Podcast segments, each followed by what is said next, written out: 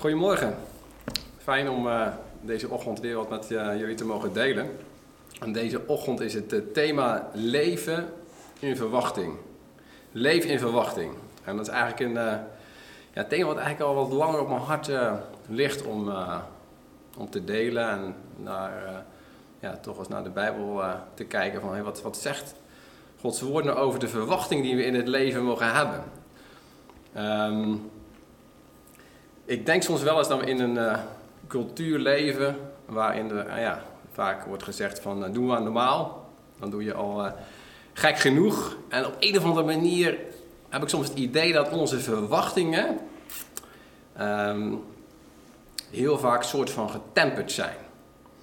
Dus dat we als het ware niet te veel verwachten en ook niet te veel mogen verwachten. Want stel je voor uh, dat het eens tegen zou vallen. Dus we dekken ons als het ware in om maar niet te veel te verwachten. Uh, want mocht het niet gebeuren, uh, dan raken we niet teleurgesteld. maar ik wil echt ja, deze ochtend aan de hand van het leven van onder andere Caleb met jullie delen wat het is om te leven in verwachting. Want ik, ik geloof echt dat dat een heel groot verschil zal maken uh, in je leven van iedere dag. Verwacht je dingen in het leven te gebeuren? Of uh, ben je tevreden met een status quo en gewoon een plateau? heb je geloof in, in je leven dat dingen kunnen veranderen? Of ben je tevreden met hoe het nu is en uh, verwacht je niet al te veel wat er nog uh, op je pad kan komen in het leven. Ondanks onze cultuur, waarin we misschien ontzettend uh, nuchter zijn, denk ik toch dat we hele hoge verwachtingen mogen hebben.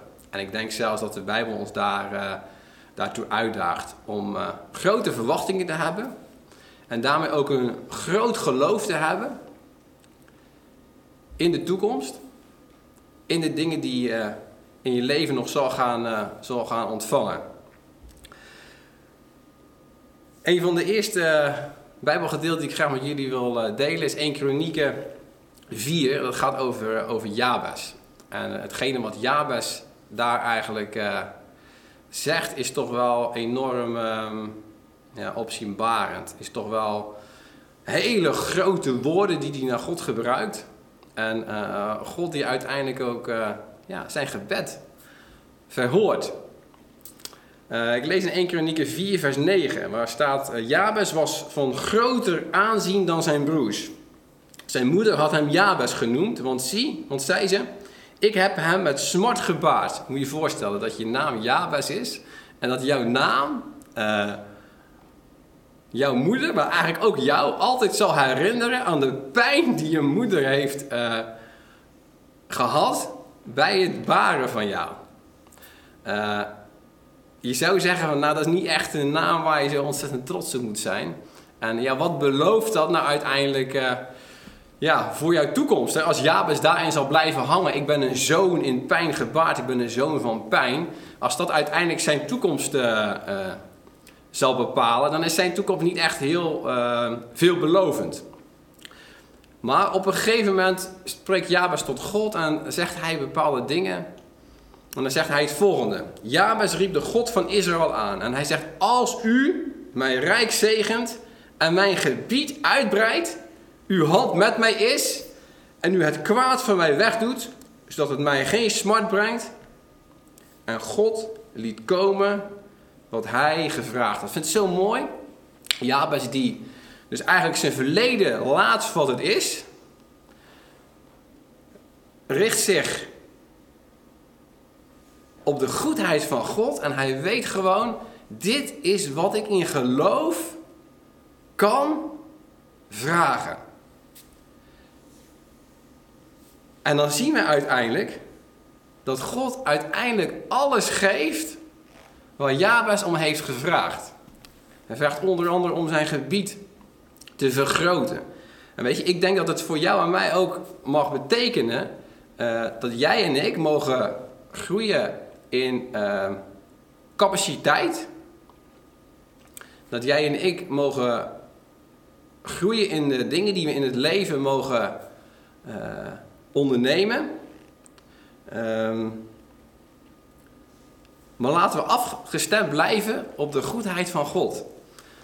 Jabes die het volledig van God verwachtte en die eigenlijk wist van ik kan en mag dit gewoon vragen. Ik hoef niet te twijfelen. Ik hoef niet te blijven zitten uh, in mijn verleden. Mijn verleden gaat niet mijn toekomst bepalen. Is dat niet mooi? Alles wat er in jouw verleden is gebeurd, wat jou ook op de mouw is gespeld, wat voor oordeel er ook over jou is uitgesproken, jouw verleden bepaalt niet jouw toekomst. Denk daar nog eens even goed over na. Hm? Misschien ben je op een plek in je leven aanbeland en denk je van, ik ben hier aanbeland omdat ik zus en zo ben opgevoed. Ik ben hier aanbeland omdat ik deze dingen heb meegemaakt. Ik ben hier aanbeland in een situatie die ik niet fijn vind. Gebroken relaties. Weinig contact met je kinderen. En je veroordeelt jezelf misschien wel voor het feit wat jou is overkomen. Voor hetgene waar jij misschien nu op het moment mee zit. Maar weet dan, als we naar Jabes kijken, jouw verleden hoeft niet jouw toekomst te bepalen. Want God heeft een geweldige toekomst voor jou in petto. God is bij machten situaties in jouw leven om te keren. Situaties waar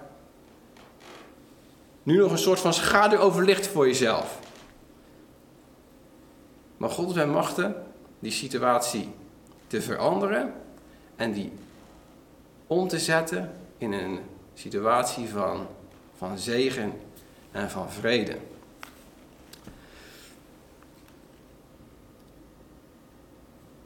In Gods zegen ligt jouw succes. Jabes. Denk er nog eens over na. Jouw succes ligt in de zegen van God die op jouw leven rust. En Gods zegen rust op jouw leven. Dat is wat Jezus kwam doen. Hij kwam jouw zegen brengen in overvloed. Is dat niet mooi? Jezus die jou wil zegenen. Dat is het uitgangspunt eigenlijk van de preek van deze ochtend. God wil jou zegenen. En Jabes durven het uit te spreken naar God. Als u mijn rijk zegent en mijn gebied uitbreidt, uw hand met mij is en u het kwaad van mij wegdoet, zodat het mij geen smart brengt. En God liet komen wat hij gevraagd had. Blijkbaar zag Jabes nog niet op dat moment, toen hij het vroeg. Maar het kwam allemaal naar hem toe. Vanaf het moment dat hij het bij God had voorgelegd en dat hij het had gevraagd. Leven in verwachting. Het heeft denk ik alles te maken met geloof. Geloven en leven in verwachting. Laten we eens kijken naar een uh, definitie van wat, uh, wat geloof is. Dat lezen we in Hebreeën 11, vers 1. Het geloof legt de grondslag voor alles waarop we hopen. Het overtuigt ons van de waarheid van wat we niet zien, zegt de NBV-vertaling. En de HSV zegt: Het geloof nu is een vaste grond, oftewel een zekerheid van de dingen die men hoopt en een bewijs van de zaken die men niet ziet. Weet je, geloof is de vaste grond.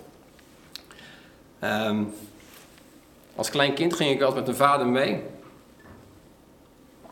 Dan gingen we naar het strand toe. En uh, was vaak in het weekend. Want dan uh, waren ze door de week bezig geweest om het strand in Zeeuws-Vlaanderen op te spuiten. Nou, een enorm karwei. Dat is enorm uh, ja, bijzonder om te zien hoe dat gaat.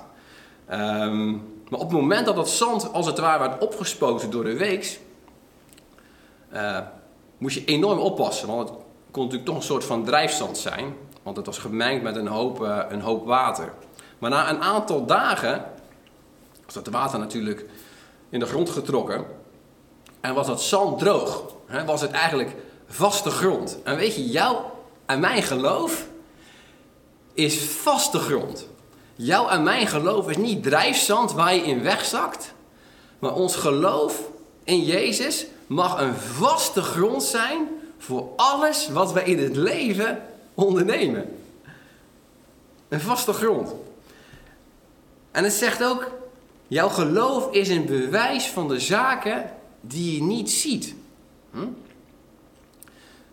Jouw geloof is het bewijs van de zaken die je niet ziet.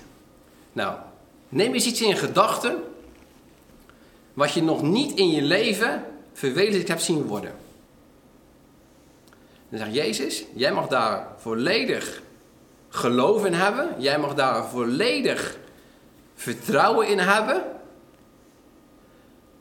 Dat het zal gebeuren. Dat je het werkelijkheid zal gaan zien worden in je leven. En jouw geloof is een bewijs van datgene wat je nog zal gaan zien gebeuren en ontvangen. In de realiteit, in het hier en in het nu. Dus jouw geloof is niet zomaar iets van, ja, uh, een onzekerheid. Van ik geloof het wel, heel misschien. Nee, jouw geloof is een zekerheid. Jouw geloof is een vaste grond. Jouw geloof is op het fundament van Jezus Christus gebouwd. En dat fundament is niet van drijfzand. Nee, dat fundament is gebouwd op datgene wat Jezus voor jou en mij heeft bewerkstelligd. En dat is een zekerheid. Weet je, daar hoeven we niet aan te twijfelen. Daar mogen we ons aan vasthouden. Daar mogen we ons geloof op, uh, richten. En vanuit dat geloof mogen we geloven dat de zegeningen van Abraham jou en mijn deel zullen zijn. Een andere persoon naast Jabes is, uh, is Caleb. Nou, we kennen allemaal Caleb. Caleb die samen met, uh, met onder andere Jozua en tien andere verspieders het land uh, Canaan moest gaan verspieden. En we weten allemaal hoe het af is gelopen. Twaalf verspieders komen terug. Tien verspieders zonder geloof in de belofte van God. Dat het land hun erfdeel zou zijn, dat ze het in bezit konden nemen. Maar twee verspieders, Jozua en Caleb, komen terug bij Mozes en doen uh, vervolgens verslag van hetgeen ze hebben gezien. En hetgeen wat zij hadden gezien met ogen van geloof, was zoveel anders dan hetgeen die tien andere verspieders hadden gezien. En uh, dat geloof wat Caleb had, dat is later ook uh, beloond. En daar gaan we van lezen in uh, Jozua 14, vers 6 tot en met 14. Op het moment dat uh, Mozes geen leider van het volk meer is, op het moment dat het, het volk voor vele extra jaren, bijna 40, in de woestijn heeft uh, rondgewandeld. Een hele generatie is vervolgens gestorven, behalve Jozua en Caleb. Vanwege het geloof wat hij had en de belofte waar hij zijn voet op had gezet, had God gezegd: Die belofte naar jou, die kom ik na. Want jij hebt je geloof en je vertrouwen op mij gesteld. Maar dan gaan ze uiteindelijk het land in bezit nemen. En dan zegt uh, Caleb het volgende. Toen kwamen de nakomelingen van Juda bij Jozua in Gilgal. En Caleb, dus ook van de stam van Juda, de zoon van Jefuna, de Keniziet, zei tegen hem: U weet zelf van het woord dat de Heer tegen Mozes, de man Gods, over mij en over u gesproken heeft in Kades Barnea. Ik was 40 jaar oud toen Mozes, de dienaar van de Heer, vanuit Kades Barnea uitstuurde om het land te verkennen. En toen ik een verslag uitbracht, zoals het in mijn hart was. Dus hetgene wat hij destijds ook zei, hè, dat hij zei van, ja, Mozes, is een land, vloeit over van melk en honing. Dat was eigenlijk een boodschap die in zijn hart zat. En hetgene wat in zijn hart zat, deelde hij wat met, met Mozes. Met Jozua en Caleb namen ze enorm grote trossen druiven mee om te laten zien aan het volk van dit is een land ja, met zoveel zegen, met zoveel overvloed. Maar hij zegt dat de mening die hij had was niet iedereen toebedeeld. Want hij zegt, maar mijn broeders die met mij opgetrokken waren, deden het hart van het volk smelten. Ikzelf echter volhardde erin de Heere mijn God na te volgen. Wat gebeurde er toen vervolgens? Toen zwoer Mozes op die dag: Het land dat uw voet, Caleb, betreden heeft, zal voor eeuwig voor u en uw kinderen tot erfelijk bezit zijn. Omdat u erin volhard hebt de Heere, mijn God, na te volgen. Wow, wat een belofte die aan hem gegeven werd. En zie, nu heeft de Heer mij in het leven behouden. We zijn heel wat jaren verder inmiddels. Zoals hij gesproken heeft. Het is nu 45 jaar geleden dat de Heer dit woord tot Mozes gesproken heeft. Toen Israël door de woestijn trok. En nu, zie, ik ben vandaag 85 jaar oud. Zo, kan je je voorstellen. Caleb is inmiddels 85 jaar oud. En wat zegt hij? over zijn uh, fysieke gesteldheid. Hij zegt: Ik ben vandaag nog even sterk als ik was op de dag toen Mozes mij uitstuurde. Nou, dat is geweldig. Als ik op mijn 85ste jaar nog even fit ben dan op mijn 38ste, dat zegt Caleb hier. Want hij zegt: Zoals mijn kracht toen was, zo is mijn kracht nu om te strijden en om uit te gaan en om in te gaan. Nu dan, komt hij terug op de belofte die Mozes had gedaan. Geef mij dit bergland waarover de Heer op die dag gesproken heeft. U hebt zelf immers op die dag gehoord dat daar de Enakieten waren. Oeh, dat waren mensen waar je bang voor moest worden. Hè? Het waren reuzen. Dat was hetgene wat de tien verspieders uh, zeiden in hun verslag naar het volk. En er waren grote versterkte steden. Misschien zal de Heer met mij zijn, zodat ik hen verdrijf zoals de Heer gesproken heeft. Dus hij verlangt er eigenlijk nog na om die stad in bezit te nemen waar destijds de tien verspieders zo van geschrokken waren. En hij zegt, geef mij die stad en ik zal de vijand in die stad zal ik alsnog verslaan. Toen zegende Jozua hem en hij gaf Caleb de zoon van Jefune Hebron als erfelijk bezit. Daarom werd Hebron voor Caleb de zoon van Jefune de Keneziet tot erfelijk bezit tot op deze dag, omdat hij erin volhard had de Heere, de God van Israël, na te volgen. Nou, er staat een paar keer staat erin de Keneziet. En dan denk je van, ja, wat is het nou? Hij was geen Israëliet. Kan je je voorstellen. Caleb was geen Israëliet. Caleb die bij het volk van Israël woonde, was, geloofde in de God van Israël. En op het moment dat het volk van Israël uit Egypte kwam, ging hij en zijn familie, die bij, bij de stam van Juda hoorden op dat moment, gingen mee Egypte uit, het beloofde land tegemoet. Dus hij was een gelovige heiden. Hij was niet van het volk van Israël. En nu zien we dat het God helemaal niet uitmaakte God wilde niet alleen het volk Israël zegenen. Nee, het zit in Gods hart om de heidenen te zegenen. En dat zien we hier bij, uh, bij Kala. Maar uiteindelijk krijgt hij uh, de stad Hebron, neemt hij in bezit. En dat is ook weer zo bijzonder, want Hebron is ook niet zomaar een stad. Um, Hebron is de stad waar God het verbond met Abraham uh, maakte.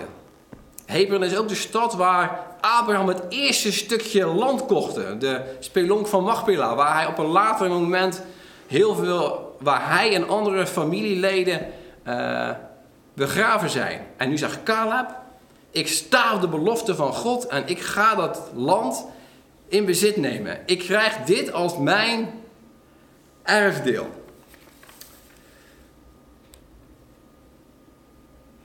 Weet je, is het mooie. Het geloof wat hij had in de belofte, het geloof wat hij had in hetgene wat God beloofd had, maar wat hij eigenlijk nog niet zag. Mozes had gezegd, jij mag deze, de, de, de hetgene waar jij je voet op zet, zal jouw erfelijk, zal jouw erfelijk bezit worden. Zal jouw deel worden.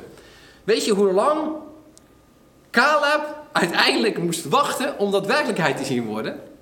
Heel wat jaren. Ruim 45 jaar heeft Caleb daar moeten wachten. Maar door datgene wat God had beloofd, door het geloof wat hij had, heeft hij, is hij die tijd met kracht doorgekomen. Want hij keek niet naar die jaren die ze in de woestijn waren. Nee, hij keek uit naar de belofte die God had gedaan en die God had gelegd op zijn, uh, op zijn leven. De belofte van Abraham. Vergeving, vrede, voorspoed, genezing. Die is voor jou. En dat geloofde Caleb. En het mocht dan maar even duren voor hem, maar hij hield zich vast aan het geloof. Hij leefde in de verwachting dat het in Gods hart zat om het in zijn leven werkelijkheid te zien worden. Misschien word jij ook wel enorm op de proef gesteld. Word je geduld een beetje getest. Maar weet je, je hoeft niet te twijfelen. Je hoeft niet te twijfelen aan de belofte van God. Want de beloften van God, die zijn jouw deel. Als God iets beloofd heeft, zal het werkelijkheid worden in onze levens. Zegt 1 Korinthe 1 vers 20. Immers, zoveel beloften van God als er zijn, die zijn in Hem, dus in Jezus. Ja en in Hem, Amen. Tot verheerlijking van God door ons. Dat is zo mooi. Dus er staat eigenlijk dat alle beloften die God heeft gedaan, in Christus zijn vervuld, in Christus jou en mijn deel zijn geworden. Voor de belofte hoeven we niet te werken.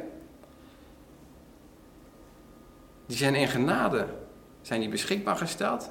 En in geloof mogen wij die belofte ontvangen. Hoe mooi is dat? God belooft iets en wij mogen het in geloof ontvangen. Leef in verwachting. Jouw verwachting mag gebaseerd zijn op het geloof in Jezus. En datgene wat Hij aan jou wil geven. Wil geven. En daar hebben we net gelezen. Vergeving, vrede, genezing, voorspoed. Genezing van het hart. Genezing van, van pijn. Genezing van verdriet. Genezing van dingen die in het verleden zijn gebeurd. En die je zo moeilijk misschien een plekje kan geven. Weet je, de wereld wil dat jij jouw problemen een plekje geeft. Maar dat is niet goed genoeg voor God. God wil niet dat jij jouw problemen een plekje geeft. God wil genezing aan jou geven. Dat is iets heel anders. God vraagt niet om het verleden te parkeren. En denk er even niet daarna. Grote boekenkast, zet het boekje daar neer. Het verwerken komt later wel. Nee, God wil juist jouw hart genezen. Weet je, dat gaat zoveel dieper. De beloften die God heeft gedaan aan Abraham zijn in Christus vervuld en zijn voor jou ja en amen. Amen? Ontvang het. Dat is wat God voor je heeft. En het mooie is dat er staat dat God wordt verheerlijkt door ons heen. Dus als het ware, als wij de belofte die Hij doet, ontvangen in geloof en het werkelijkheid zien worden in ons leven, dan wordt God daarmee verheerlijkt. Daarmee wordt God groot gemaakt. We denken zo vaak dat God groot maken het doen van allerlei dingen misschien is. Maar het is zo eenvoudig. Wanneer God zegen door ons heen stroomt. Wanneer God ons hart verandert. Wanneer God onze richting bepaalt. Wanneer we in geloof dingen mogen ondernemen in het leven. Wanneer we doorbraken mogen zien.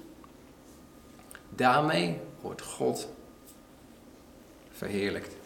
Daarmee krijgt God als het ware alle eer. 2 Korinthe 3 vers 6. Hij heeft ons namelijk bekwaam gemaakt om dienaars van het nieuwe verbond te zijn. Niet van de letter, maar van de geest. Van de letter dood, maar de geest maakt levend. Jij vraagt je misschien af, ben ik wel geschikt om die zegen te ontvangen? Wat staat hier? Hij heeft jou en mij bekwaam gemaakt om dienaars van het nieuwe verbond te zijn. En dat betekent niet alleen dat je denkt aan een dienaar die als het ware, uh, zoals Paulus en Timotheus hier in dit geval, aan het prediken waren, aan het onderwijzen waren, wat het nieuwe verbond inhield. Maar dat betekent net zo goed dat je mag, in geloof mag staan en de, de, de, de zegen mag ontvangen die jouw deel is. Jij bent bekwaam gemaakt. Jij hoeft jezelf niet bekwaam te maken om de zegen van God te ontvangen. Hij heeft jou bekwaam gemaakt doordat jij zijn kind bent geworden.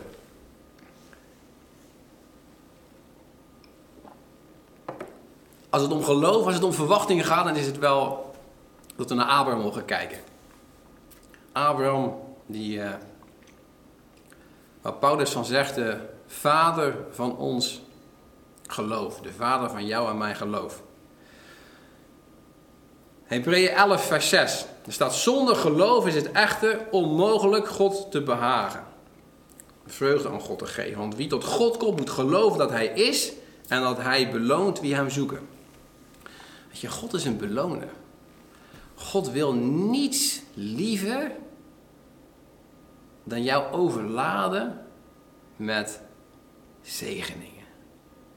Dat is soms moeilijk te begrijpen. Dat, dat op een of andere manier, dat past gewoon niet in ons, in ons natuurlijke denken. Maar hier staat het. God is een beloner. Als je kinderen jarig zijn, als je zelf als kind misschien nog kan herinneren, dat je op een bepaald moment in, uh, op je verjaardag in, in, in het middelpunt stond in het middelpunt van de aandacht, in het middelpunt om cadeaus te ontvangen. Had je daar hard voor gewerkt? Nee, je was gewoon, je was jarig. En je, je, je, je kreeg dan vaak hetgene waar je om, uh, om had gevraagd. Of uh, je kreeg dan hetgene waar jouw verlangens uh, naar uitgingen. Wat je misschien op jouw verlanglijstje stond. Hm? En zo is het bij God. God beloont en God voorziet. God het zit in Gods DNA om jou te zegenen. En dat is eigenlijk heel mooi als we hier naartoe kijken. Hij, wij eren God. En uh, als, het, als, als wij aan ons geloof denken, dan staat Jezus Christus helemaal in het middelpunt. En uh, we willen Hem leren kennen. We willen meer en meer uh, gaan ontdekken wie Hij is. Uh, en daarmee groeien we in ons geloof. En tegelijkertijd, vanuit Gods perspectief, sta jij en ik in het middelpunt. Sta jij en ik in het middelpunt om de zegen te ontvangen. Om, om Gods goedheid te zien werken en manifest te zien worden in ons leven. Abraham in vers 8, Hebreeën 11, vers 8. Door het geloof is Abraham, toen hij geroepen werd, gehoorzaam geweest. Om weg te gaan naar de plaats die hij tot een erfdeel ontvangen zou. En hij is weggegaan zonder te weten waar hij komen zou. Zo, wat een geloof. Abraham ging dus op weg zonder te weten naar een plek waar hij komen zou. Maar hij wist één ding. Ik sta op de belofte van God. Ik put uit zijn goedheid. En wat God heeft beloofd aan mij is zo geweldig. Op die belofte mag ik staan, mag ik mijn geloof, mag ik vanuit geloof mag ik gaan wandelen en mag ik het beloofde land wat God voor mij heeft, mag ik, mag ik naartoe gaan reizen en mag ik eh, op een later moment, zal het mijn deel worden. Weggegaan zonder te weten waar hij komen zou. Met andere woorden, wanneer we soms stappen in geloof zetten, weten we niet naar, uh, tot wat die uiteindelijk zullen leiden. Dat gebeurt soms. Maar God vraagt soms gewoon om een stap te zetten. Heel eenvoudig, een stap te zetten en te vertrouwen op wie Hij is. Te vertrouwen op Zijn goedheid en te staan op Zijn belofte dat Hij zal voorzien. Dat Hij zal voorzien in iedere situatie. Welke obstakels je misschien ook op je weg tegenkomt. Soms misschien tegenstand zal ervaren in hetgeen wat God je op je hart heeft gelegd. Maar heel eenvoudig. God zegt gewoon, vertrouw mij nou gewoon. Vertrouw mij. Als ik iets beloof, maak ik het waar. En dat is soms misschien ook de grootste, de grootste uitdaging voor jou en mij. Want zegt Paulus ook tegen de Corinthiërs. Want wij wandelen door geloof, niet door aanschouwen. Dus leven in verwachting is wandelen in geloof. Heel cruciaal. Dus geloof is niet stilstaan. Nee, geloof is wandelen. Geloof is stappen zetten. Geloof is vooruitgang. Niet stil blijven zitten. Niet bij de pakken neer gaan zitten. Nee, geloof is stappen zetten. En dat is het allermooiste eigenlijk wat er is in het leven. Wandelen door geloof, niet door aanschouwen. Kijk, het tegenovergestelde kan ook waar zijn. Dat je eigenlijk in ongeloof zit in de huidige situatie. En geen geloof hebt. En daardoor ook blijft zitten. En dan blijf je ook zitten in de positie waar je zit. Maar weet je, God wil dat jij en ik vertrouwen op zijn belofte en spreek het uit in de situatie waar je nu in zit. Als dat een penibele situatie is, als dat een situatie is die niet strookt met de belofte die God heeft gedaan om jou te zegenen, spreek dan de goedheid van God daarover uit. Wat wil jij manifest zien worden in die situatie? Waar wil jij je geloof op richten? Wat er in die situatie moet gebeuren? Wat, er in, wat voor verandering jij wil in de situatie waar je in zit? Daar strek je je naar uit in geloof. Je verwacht het in geloof. En je leeft verder. Je wandelt. Uh, weet je, dat is zo mooi. Als je dus in geloof wandelt, dan ben je dus eigenlijk altijd onderweg. Zoals, uh, zoals Caleb eigenlijk ook. Iemand die al die jaren onderweg is geweest. Hij heeft die jaren niet als verloren jaren gezien. Maar die jaren hebben zijn karakter hoogwaarschijnlijk enorm gevormd. Maar die jaren hebben hem ook stilgezet bij de goedheid van God. Bij wie God was voor hem. Op het moment waarin hij eigenlijk eh, heel veel mensen om hem heen zag, zag sterven die niet in geloof het land in bezit wilden nemen, waren Jozua en Caleb na 45 jaar nog steeds, nog steeds in leven. Om uiteindelijk de belofte werkelijkheid te zien worden in hun leven. Dus geloven is wandelen. Maar Romeinen 1, vers 17 zegt nog iets. De gerechtigheid van God wordt erin geopenbaard, uit geloof tot geloof, zoals geschreven is, maar de rechtvaardige zal uit het geloof leven. Wow. Jij hebt geloof nodig als een soort van benzine om een leven te blijven. Wanneer je niet meer uit kan zien naar bepaalde dingen, en dat is ontzettend moeilijk. dan raak je eh, misschien gedesillusioneerd, raak je neerslachtig, uh, raak je een beetje depri. Uh, maar God zegt juist, van, in Jezus ben jij rechtvaardig gemaakt en mag jij leven uit geloof tot geloof. Vanaf het begin tot het einde van je leven mag jij kracht putten uit het geloof wat jij in mij hebt. De rechtvaardigen uit het geloof leven. Weet je, God gaat jou niet teleurstellen. Never niet. God gaat jou niet teleurstellen.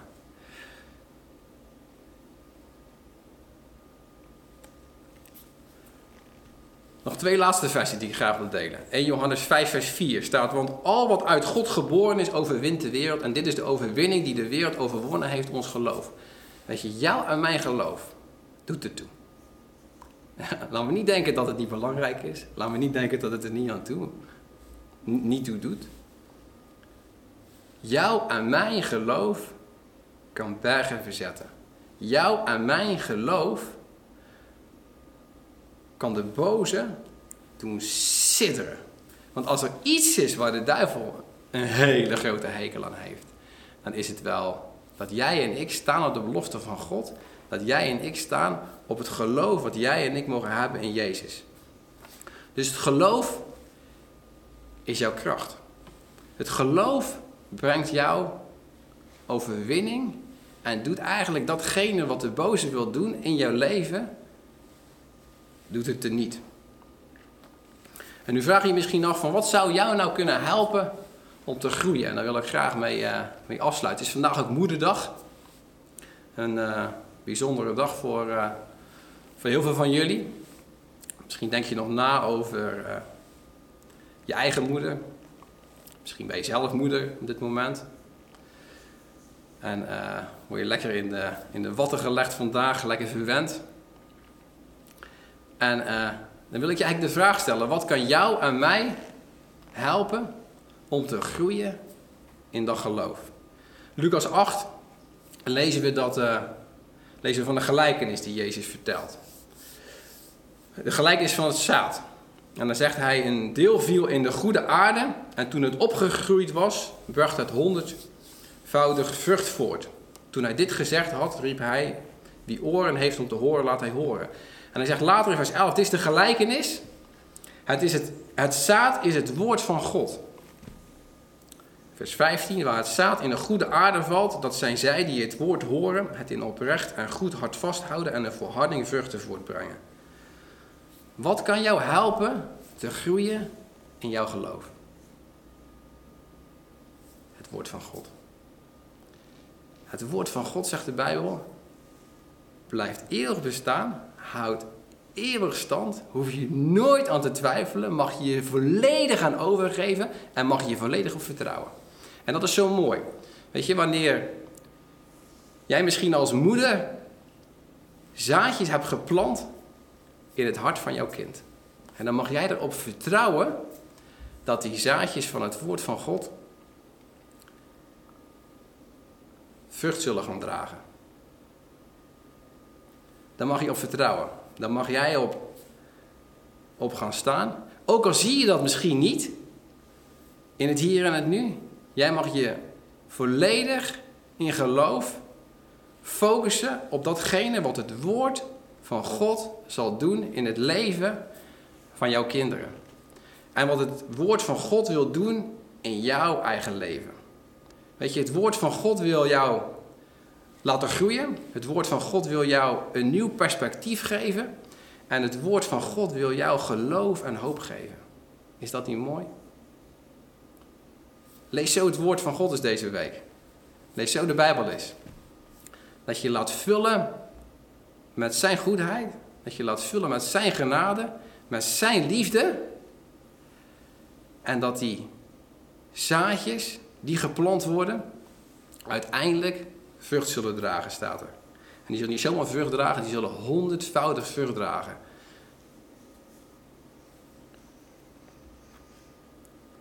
Leef in verwachting. Weet je, jij mag leven in verwachting. Jij mag leven in de verwachting dat God geweldige plannen heeft met jouw leven.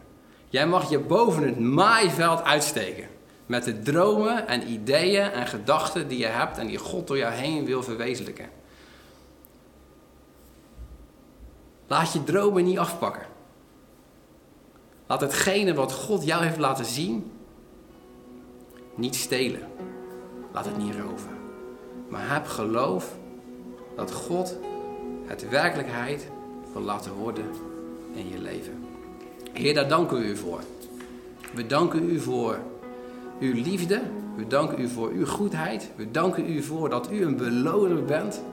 We danken u ervoor dat het in uw karakter zit om ons te zegenen. Om ons te overladen met cadeaus. Om ons te overladen met, uw, met dingen van uw goedheid. Heer, we hebben het gezien in het leven van Caleb. Een man die geduld moest hebben. En Heer, we bidden u. Heer, geef ons geduld wanneer ons geduld soms opraakt. Laat ons echt, help ons om in die situatie niet naar de situatie te kijken, maar naar u te kijken. Het woord van God tot ons te nemen. Te mogen staan op de belofte die u heeft voor ons. En dat we op die manier echt mogen leven in geloof. Dat we op die manier echt mogen leven in verwachting. In een geweldige hoop. Want onze hoop, zegt u, jouw en mijn hoop, zal ik niet beschamen. Je mag het werkelijkheid zien worden in je leven. En Heer, daar danken we u voor. Dat willen we ontvangen. En op die belofte die u heeft gedaan over ons leven, willen wij staan. En daar zegen ik je mee. In de naam van Jezus. Amen.